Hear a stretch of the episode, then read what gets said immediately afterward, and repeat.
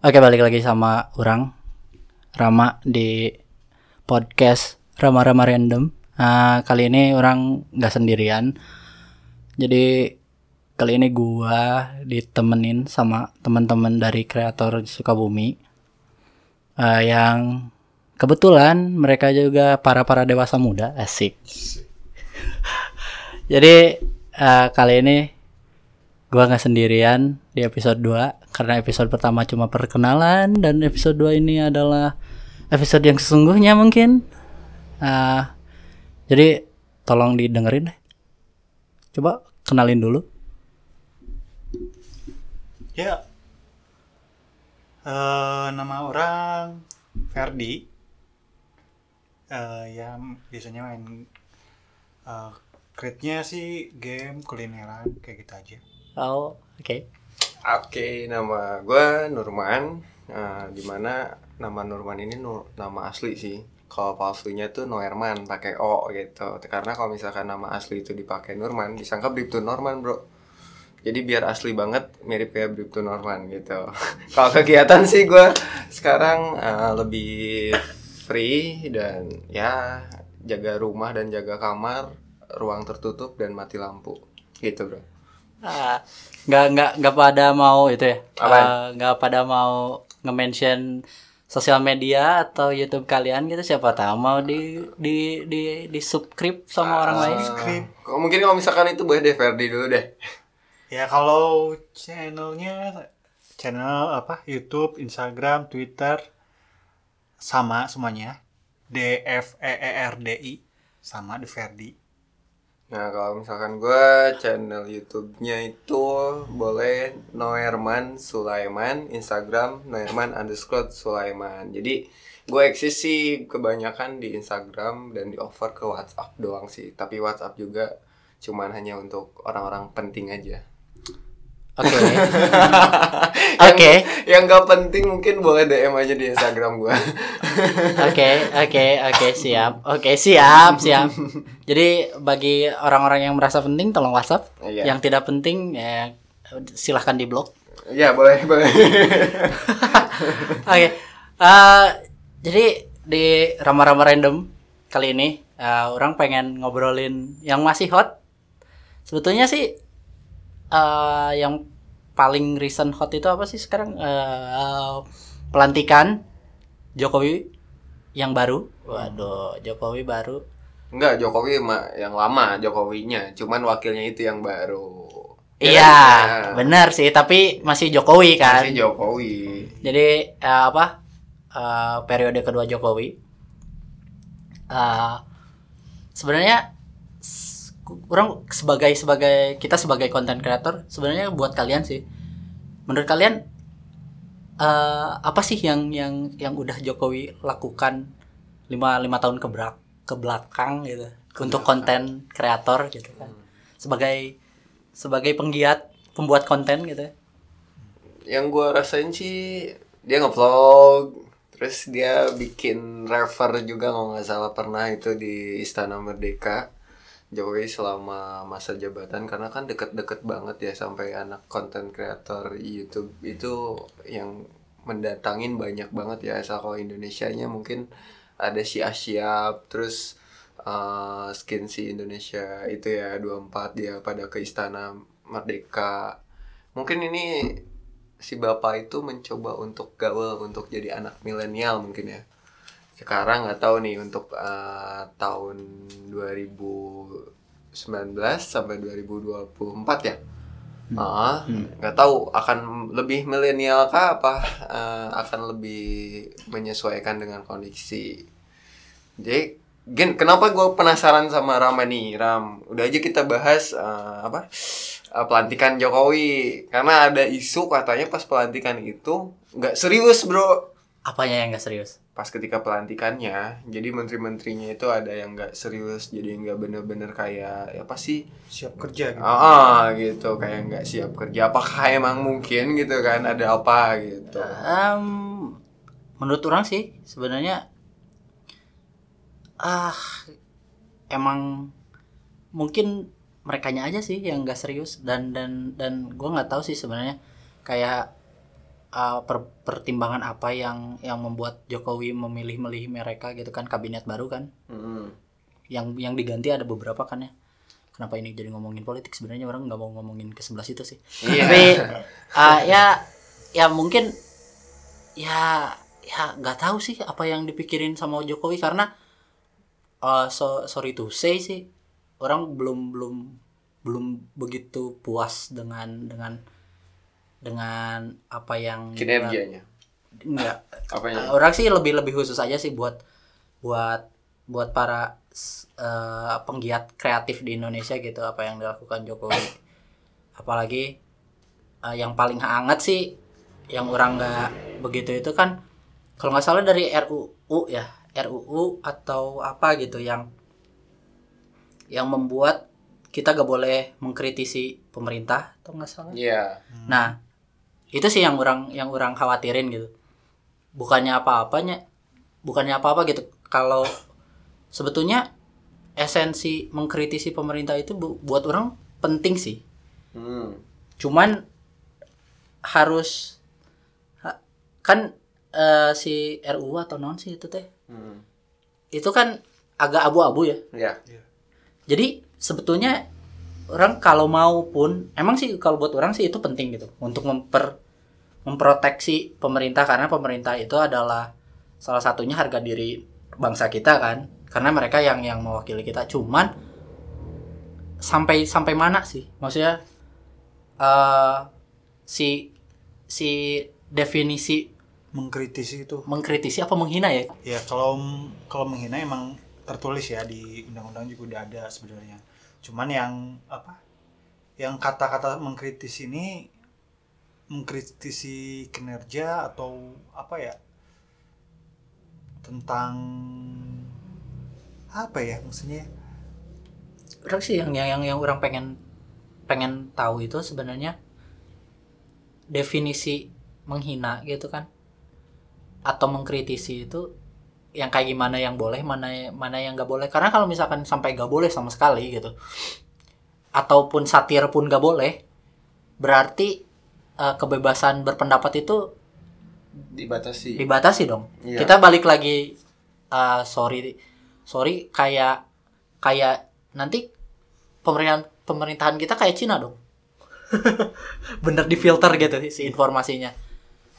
Gitu. Karena karena kita nggak punya kalau di Amerika kan ada second second amendment gitu tentang free speech gitu kan. Kalau di kita kan orang belum baca sih sebenarnya apakah kita punya gitu tentang tentang kebebasan berpendapat.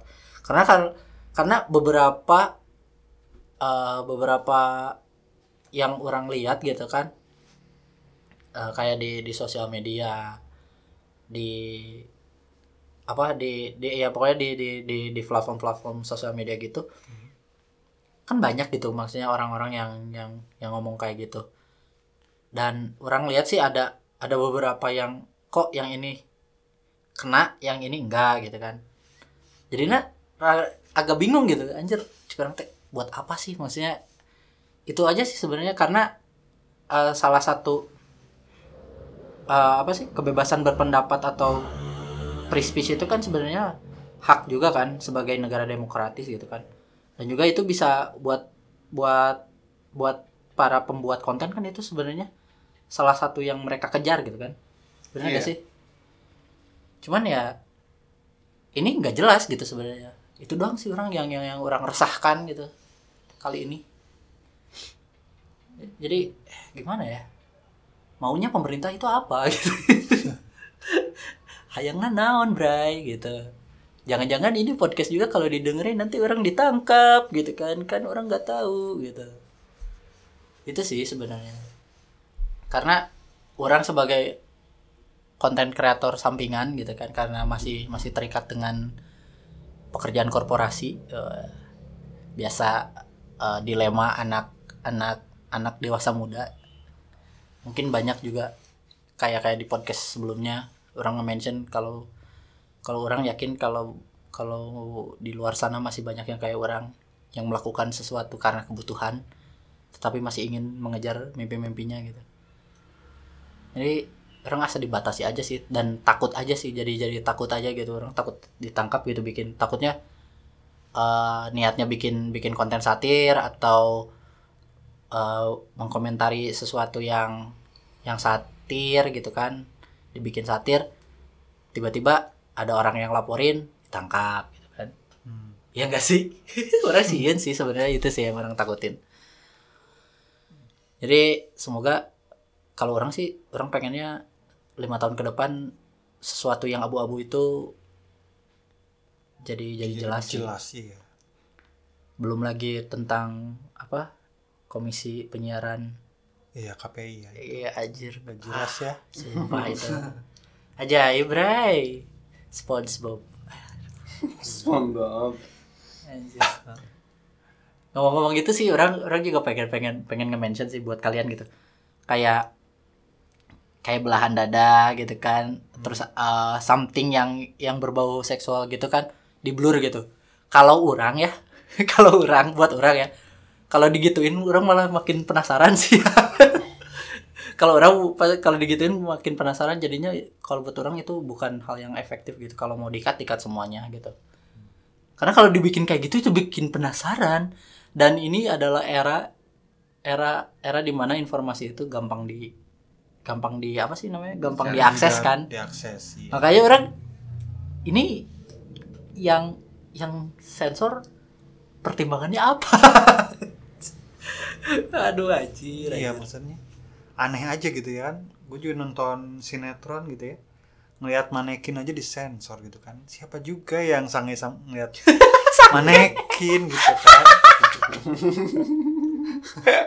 Orang mana gitu. Sange ngeliat manekin gitu. ada anjir yang fetisnya kayak gitu yakin Ada. orang. Cuman maksudnya ya nggak banyak gitu. manekin yang buntung itu loh cuma nggak ada kepala nggak ada kaki cuman badan doang sensor Ini kayak patung yang ada di Ria Busana.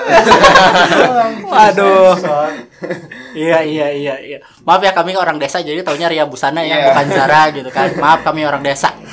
Apa? Soalnya bingung kan. Iya. Iya eh, iya maksudnya coba deh maksudnya kalau Iya. kalau buat orang op- buat opini orang ya maksudnya kalau cuma disensor kayak gitu si anak-anak itu malah jadi penasaran. Hmm. ingin mencari tahu apa yang seperti yang kenapa disensor gitu kecuali di Apa yang cut gitu. Iya. gitu ya.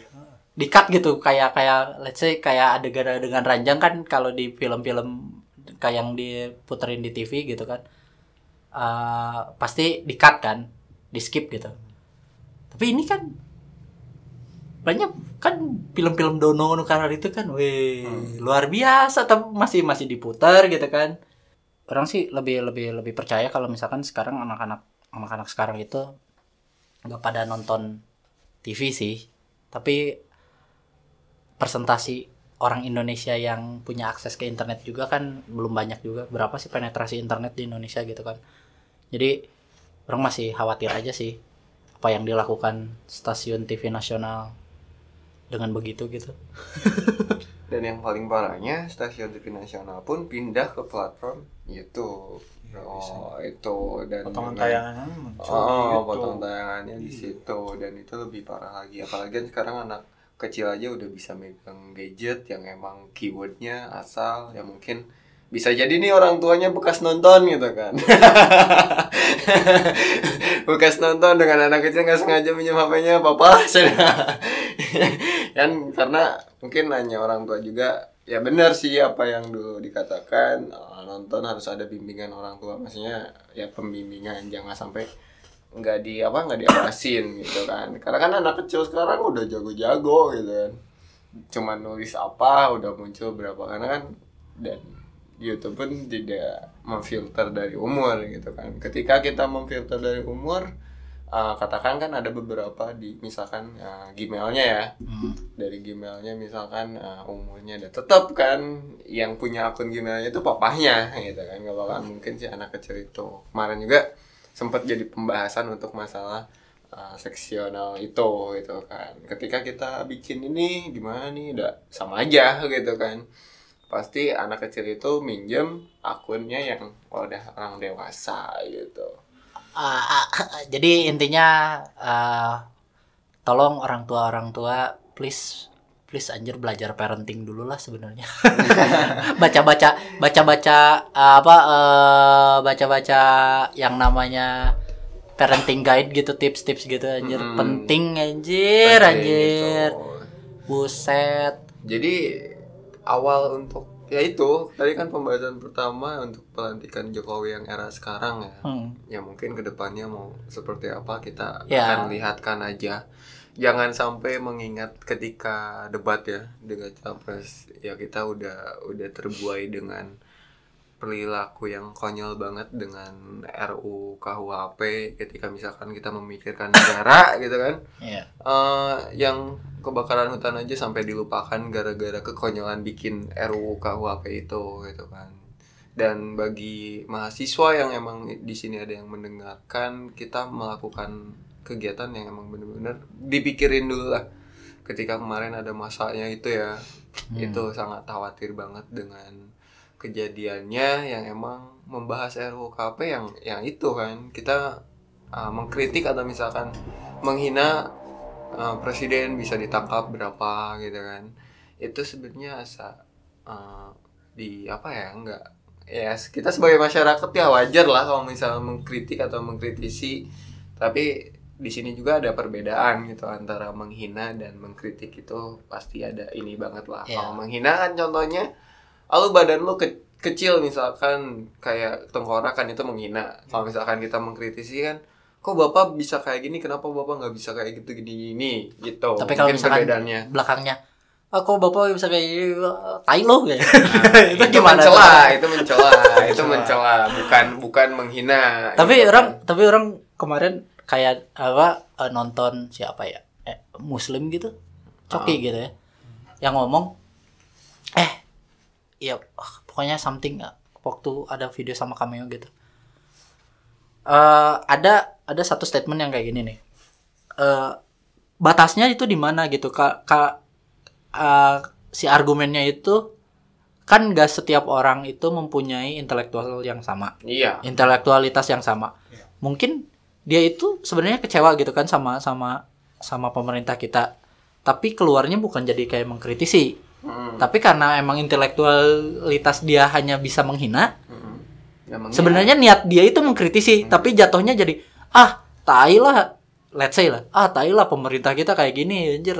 Gak bener anjir, gak becus gini gini gini gini. Kan itu jatuhnya kayak menghina kan. menghina Tapi karena emang dia dia itu merasakan, cuman dia nggak tahu bagaimana cara apa eh, mengutarakannya gitu. Kalau Iya. kayak gitu gimana? Nah itu mak- makanya orang yang orang takutin ada orang keceplosan kayak gitu eh, ditangkap.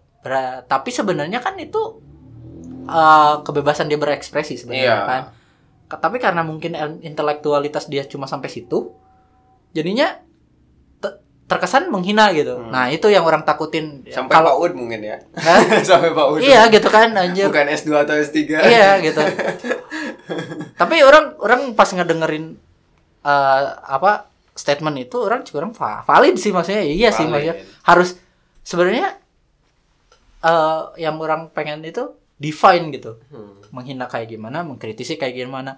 Kalau kayak gitu lah muncul kata si coki coki gitu berarti hanya orang berintelektual tinggi aja yang boleh mengkritisi benar juga dipikir-pikir Iya. gitu kan nah itu sih orang orang juga anjir ini kita iya. lihat ini aja kasus yang apa musisi yang tiba-tiba ditangkap ke kosannya itu yang di Jakarta itu oh pas Dia kan, kemarin ah, pas kemarin yang aksi pas rame-rame kan Ah. dia kan tiba-tiba kok ada isu ya ini apakah dia emang ngehina dalam apa gitu kan. Tapi kok aneh gitu itu di luar bukan dari uh, penghinaan dari RUKP tapi itu dari pas uh, minta donasi ini kan. Hmm. dengan minta donasi untuk uh, yang bencana kebakaran asap itu Hmm. apa kebakaran hutan itu sorry.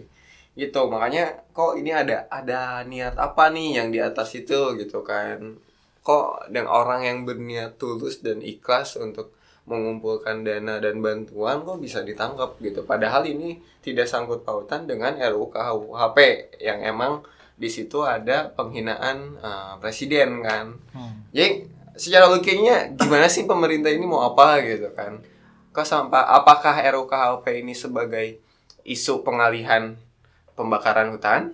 Apakah gimana? Ya mungkin kalau orang yang ngedengar ini bisa secara cerdas lah gitu kan.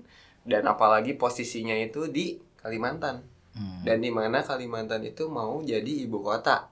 Hmm. Nah, Nah di situ juga udah udah udah ketahuan, maksudnya di situ kalian berpikir ke depannya Indonesia dan pa- para penguasa ini ada maksud tujuan apa gitu kan dengan membombardir anak kuliahan yang emang jiwanya semangat untuk jihad tuh benar-benar jihad gitu kan, tapi tanpa pikir dulu gitu kan. Jadi orang-orang ramai pada ke Jakarta, sedangkan yang sebelah kanan di Kalimantan ini terabaikan. Itu. Iya sih sebenarnya ya itu lamun orang sih Ini sebenarnya kalau misalkan kita bikin stasiun TV nasional, pemerintah itu su- bis- udah bisa jadi aktor. udah bisa jadi aktor iya drama, bro. iya pasti tapi sebenarnya kalau orang sih kayak kayak kalau itu sih eh kalau orang mau mau beropini tentang yang tadi gitu kan tentang pengalihan pengalihan isu gitu kan atau ya itu balik lagi ke intelektualitasnya Iya. juga sih sebenarnya kayak kayak priority-nya itu apa gitu Hmm. prioritas lu apa gitu kan jadi banyak orang yang yang yang terlalu kasar nama latah gitu kan Iya, orang orang berangkat berangkat gitu tanpa Berangkat. ditelaah tanpa ditelaah dulu misalkan Nah, itu. apa. Tapi keren gitu nasionalismenya kalian. Keren, ada. wah. Dan ada Kalian banget. keren.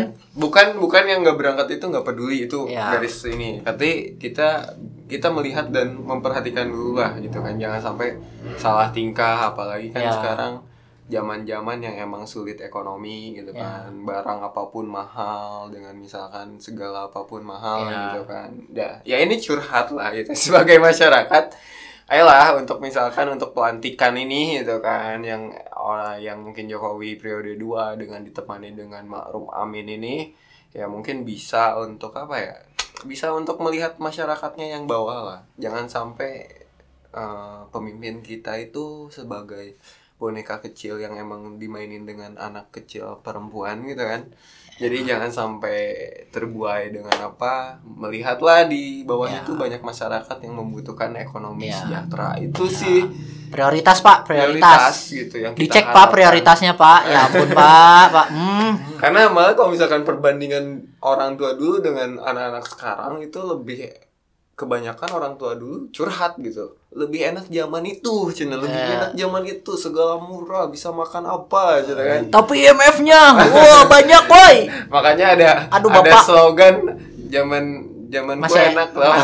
masih enak zamanku toh Nah, itu. aduh tapi IMF kita gede bro Iya. aduh itu orang-orang yang yang nggak tahu aja itu kalau kita terus-terus zaman itu nanti negara Indonesia bisa dibeli jual ya Iya. yo i Tapi ya mungkin ngebalancingnya Ya. aja lah gitu kan untuk ke pe- kepemimpinan tahun uh, ke depannya yang Ya. sekarang udah baru dilantik bro ini udah di tanggal Hari ini, hari ini. 20 hari ini ya malam Hari ini, ini. ya hari ini hari ini ya hari malam ini ya malam ini malam ini itu ada Manchester Liverpool Jadi pelantikan itu ya kita tetap terus uh, kita pasti support untuk uh, Ya. bapak kita nomor satu RI Ya. satu RI dua gitu kan semoga terus sehat terus ya di sampai pelantikan dan sampai selesainya masa jabatannya. tapi tapi tapi orang orang pengen pengen ngingetin sih sama anak-anak yang yang eh, yang ngedengar pod- podcast ini tolong lima tahun ke depan kita kawal bareng-bareng ya, itu. please kawal bareng-bareng Jangan jangan memikirkan pas masa kampanye lah. Ya. Jangan Pas debat itu uh, mungkin kan ada janji-janji Ya. apa harapan palsu ya yang emang kita diharapin gitu kan. Uh, ada apa sih ada uh, ya gitulah. Pokoknya yang saya udah lupa, pokoknya sampai yang pengangguran pun digaji, bro. Jangan sampai memikirkan itu karena itu nggak nggak masuk logika gitu kan. Secara masuk logikanya sekarang gini weh, kalau hitung-hitungan standarnya 100 orang tanpa apa nggak pengangguran dengan lulusannya S1 satu bulannya misalkan 2 juta setengah kali 100 orang berapa puluh juta tuh kan. saya tahu orang kalau mau sebenarnya itu harusnya ya kita lihat lihat. Itu bukan digaji sebenarnya bukan bukan bukan. Itu itu subsidi aja. Subsidi. Sebenarnya ini dilakuin sama beberapa negara maju tapi kita negara berkembang. Ingat itu. Hmm. kayak di Korea itu dia dapat 500 ribu won selama enam bulan tapi mereka bikin aplikasi seabrek-abrek dan itu nggak nggak percuma. Maksudnya nggak nggak nggak nggak secara cuma-cuma gitu. Hmm. nggak gratis gitu Eh mereka itu harus bikin aplikasi kayak mau nyari kerja dan dan dan itu cuma jadi 500 ribu won itu selama selama enam bulan gitu. Jadi dikasihnya lamsam sebenarnya dan orang sih lebih lebih lebih untuk untuk masalah masalah yang karena kita kan berkutat dengan masalah dewasa muda yang orang yang orang lebih lebih apa lebih setuju sih si pemerintah mempermudah eh, si si para dewasa muda ini para kaum kaum kami gitu eh, untuk untuk mendapatkan pengalaman kerja sih Hmm. itu sih sebenarnya yang yang orang yang orang pengen daripada dikasih sesuatu eh, dikasih itu lamsam ke jadi si sistemnya itu yang kalau orang baca mereka itu dibik- dijadiin intern magang tapi di- digajinya sama pemerintah lah orang baca kayak gitu sih sebenarnya Semacam kayak pelatihan gitu. iya Dikasih ke pelatihan. Iya. Nah kalau kayak gitu mah benar gitu. Karena karena kan kata kata peribahasa kan eh, kalau di kalau orang dikasih dikasih ikan cuma bisa makan hari itu doang. Tapi kalau dikasih pancing kan dia bisa makan selamanya. Gitu. Hmm. Intinya kan skill gitu. Sebenarnya itu sih yang yang yang diharapin gitu. Cuman kalau buat orang sih kayak kalau buat orang untuk untuk jadi karena orang ini eh, pembuat konten sampingan free speech sih sebenarnya yang agak agak ngeri gitu untuk ke depannya gitu. Satu free speech dua juga kepeduliannya masih masih pelin pelan sih mau dukung apa enggak.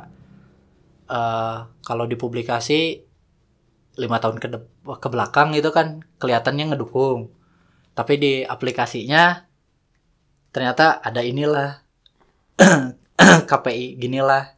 Sebenarnya orang nggak nggak nggak nggak menyalahkan si bapak RI satu sat aja sih sebenarnya. Orang nggak nyalahin dia dia juga gitu. Cuman eh eh, yang di bawah-bawah dianya juga gitu tolong pengertian lah. Maksudnya karena nggak mungkin juga gitu RI 1 mikirin setiap hal kecil gitu kan.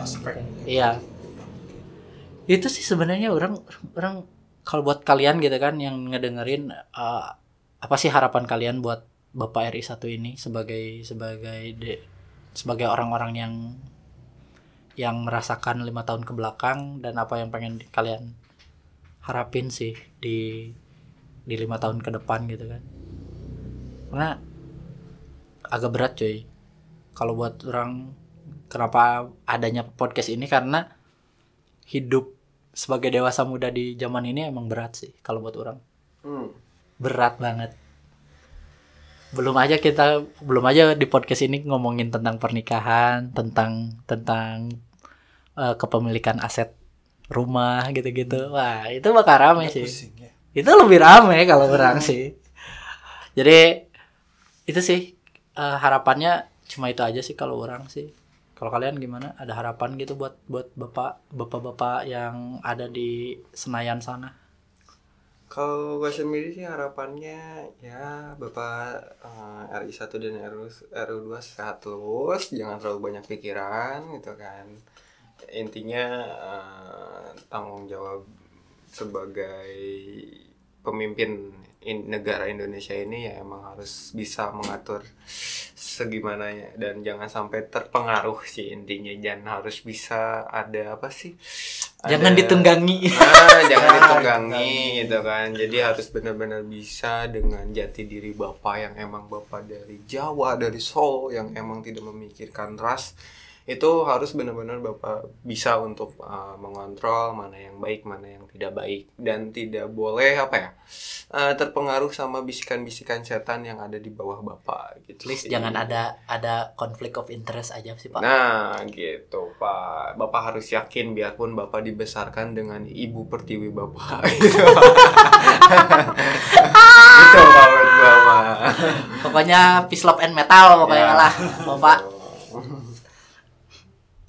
kalau lu fair gimana fair Eh, kalau gue sih harapannya sih cuman ya kalau untuk konten kreatornya ya seperti biasa lah ya maksudnya eh, bantu juga konten kreator untuk bisa ada di sekeliling bapak gitu bikin konten gitu juga kalau misalnya ke Sukabumi ya ajak juga konten kreatornya untuk ngeliput bapak juga itu kesempatan juga Sebenarnya sebenarnya itu itu terjadi sih. ya itu terjadi kemarin itu cuman Syria. fotografer Enggak Syria ada, Oh, Syria ada. Syria. Syria ada. Mungkin ya ada kesempatan lain lagi gitu Eh, oke, oke, oke, oke, oke, oke. Jadi ya itulah sebenarnya unek-unek para kami dewasa muda yang yang yang notabene-nya kami ini adalah eh, para penggiat eh media online dan juga pembuat konten. Ya, semoga bisa tercapailah dan lima tahun ke depan smooth gitu. Kalau bisa kalau bisa sih dukungannya deh pak. Jangan jangan anak bapak aja karena anak bapak kan juga konten kreator pak. Ya nggak sih? Iya. makanya jangan cuma Rich Brian aja. Rich Brian kan sekarang udah di LA kenapa kenapa yang ya yang dekat sama eh, UNICEF eh, Geopark gak di nggak dipeduliin pak kami kan juga pengen suntikan dana Oke, jadi eh di sini aja sih podcast buat eh, episode kedua Rama-Rama Random. Terima kasih banyak buat teman-teman yang ada di yang udah dengerin dan juga teman-teman yang udah datang nyatronin rumah saya gitu kan. Terima kasih banyak. Eh, juga kalian juga bisa bisa eh bisa ngirim email kalau mau tanya atau mau ngasih saran atau mau eh, nge-cyberbully juga nggak apa-apa kalau kalau orang sih. Karena kalau misalkan kalian nge-cyberbully saya berarti Anda mendengarkan podcast saya. Anda sudah menjadikan pundi-pundi uang untuk saya gitu kan jadi tolong eh, bisa di email sih emailnya di ramunggaran@gmail.com eh rama r rama a munggaran nah itu tanpa spasi tanpa titik. Jadi bisa di email ke situ untuk enquiries dan semuanya. Semoga podcast ini bisa jadi insight buat kalian dan juga bisa jadi pembuka diskusi eh, di sela-sela hari kita yang sangat berat ini para para dewasa muda sekalian Indonesia. Jadi ya ditunggu aja podcast berikutnya dari Rama-Rama Random. Jadi di sini aja gua Rama. Ciao.